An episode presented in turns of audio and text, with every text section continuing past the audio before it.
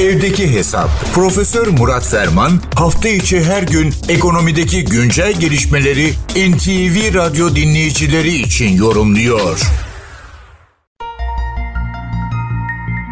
Fed'in faiz kararından sonra Avrupa Merkez Bankası da beklenen kararını açıkladı. Paralel bir şekilde faiz artırımına devam eden banka üçlü yaklaşımda ki Avrupa Merkez Bankası'nın 3 ayrı faiz oranı var. Piyasayı ilgilendiren faiz oranında %50'lik bir artış sağladı. Gecelik mevduat oranını %2,5, gecelik borç verme oranını %3,25 ve politika faizini de %3 seviyesine yükselten bankanın başkanı Bayan Lagarde aslında bu işe devam edeceklerini ve hatta çok açık ve net bir ifadeyle Mart ayında da 50 bipslik bir artışı öngördüklerini gidişata bundan sonra bakarak sıkı duruşlarını sürdüreceklerine referans verdi. Ve elbette %2 hedefini de tekrarladı. Enteresan bir şekilde Amerikan e, ekonomisiyle enflasyon hedefi benzerlik veya paralellik gösteriyor. Her iki ekonomide %2'lik bir hedef enflasyon çerçevesinde politikalarını sürdürmeye devam ediyor veya deklarasyonları en azından bu yönde. Avrupa Merkez Bankası'nın bu kararı öncesinde Ocak ayına ait e, TÜFE'nin 0.4'lük bir azalış gösterdiğini ve yıllık oranın da manşetinde 8.5'a gerilediğini hatırlatmakta fayda var. Beklentilerin altında bir performans enflasyon bakımından dolayısıyla enflasyonda katılık kırıldı mı? Avrupa'da bu katılık oluşmuş muydu? Bu tartışmalar artık geride kalmışa benziyor. Aslında uzunca bir müddet Bayan Lagarde'ın şahsiyetinde belki eleştirilen ama sadece onun kişisel performansı veya yetenek e, ölçüsü çerçevesinde değerlendirilemeyecek bir yetersizlik e, eleştirisi vardı. Avrupa Birliği'nin özellikle mali politikalar bakımından sıkıntılı olduğu, enflasyona karşı yeteri kadar çabuk ve sert reaksiyon veremediğine dair eleştiriler bulunmaktaydı. Haftalar evvel Bayan Lagarde birdenbire daha şahin bir söylemi benimseyerek ve dersine daha iyi çalışmış olarak kamuoyunun önüne çıkmaya başladı ve bu akış da gerçekleşti.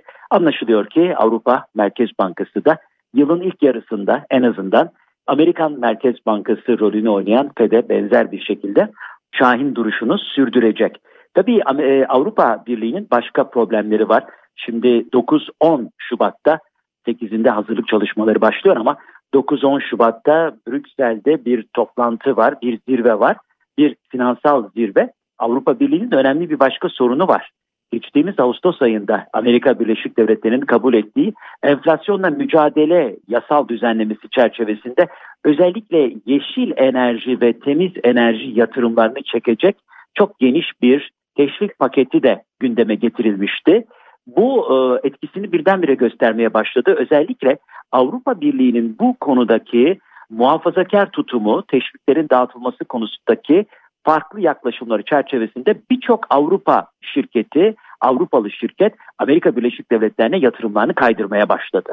Bu adeta e, Avrupa Birliği'ni alarma geçirdi. Şimdi önümüzdeki hafta toplantıda bu konu da konuşulacak çünkü yeşil yatırım, temiz enerji gibi alanlarla sınırlı kalmamak kaydıyla yatırım Amerika Birleşik Devletleri'ne kayıyor. Avrupa Birliği'nde yeni tartışmalar var. Hatta bazıları diyorlar ki Avrupa Birliği'nin mali politikalarını yeniden gözden geçirme zamanıdır. Evet, Avrupa Birliği kurucu babaların fikir ve önerilerinin çok dışında bir kulvarda ilerlemeye devam ediyor. Ama Avrupa Birliği'nin temelinde kendi deyimleriyle rasyonalizm yatar. Dolayısıyla rasyonel yaklaşımın e, zaman içerisinde Avrupa Birliği'nde de hakim olması gerekiyor ama dünya Avrupa Birliği'nin tekrar rasyonalist kökenlerine dönmesini bekleyecek kadar sabırlı değil. Dünya dönmeye devam ediyor. Dolayısıyla bu yüksek tempoda sadece Avrupa Birliği değil aralarında ülkemizin de bulunduğu tüm ekonomik değerler, tüm ekonomik zenginlikler bu değişime ayak uydurmaya çalışıyor. Değişime ayak uydurmak konusu gündeme geldiğinde herhalde reaktif değil proaktif olmakta da fayda var. Bu genel değerlendirme ve bilgi paylaşımı çerçevesinde değerli dinleyenlerimize katma değeri yüksek ve yüksek katma değerli bir gün ve esenliklerle dolu bir hafta sonu diliyor. Huzurlarınızdan hürmetlerle ayrılıyorum. Profesör Murat Ferman'la evdeki hesap sona erdi. Kaçırdığınız bölümleri www.ntvradio.com.tr adresinden dinleyebilirsiniz.